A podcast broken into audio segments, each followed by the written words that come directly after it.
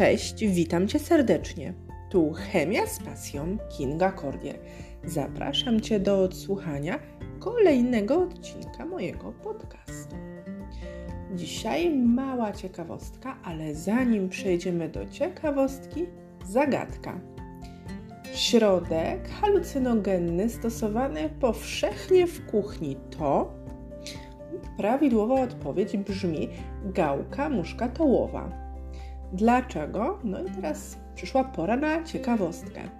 Zawiera ona mirestycynę i elemicynę.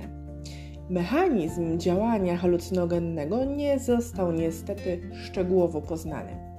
Kiedyś uważano, że dwa wspomniane przeze mnie związki, czyli mirestycyna i elemicyna, zalegają w wątrobie i są metabolizowane do pochodnych amfetaminy ale teoria ta nie ma potwierdzenia w dostępnych badaniach.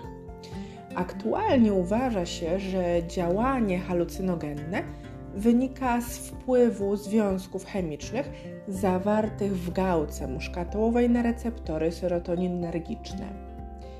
Dawka halucynogenna gałki muszkatołowej to około 3 łyżeczki. Co ciekawe, Mirystycyna znajduje się też w małych ilościach w koprze ogrodowym, pasternaku czy marchewce.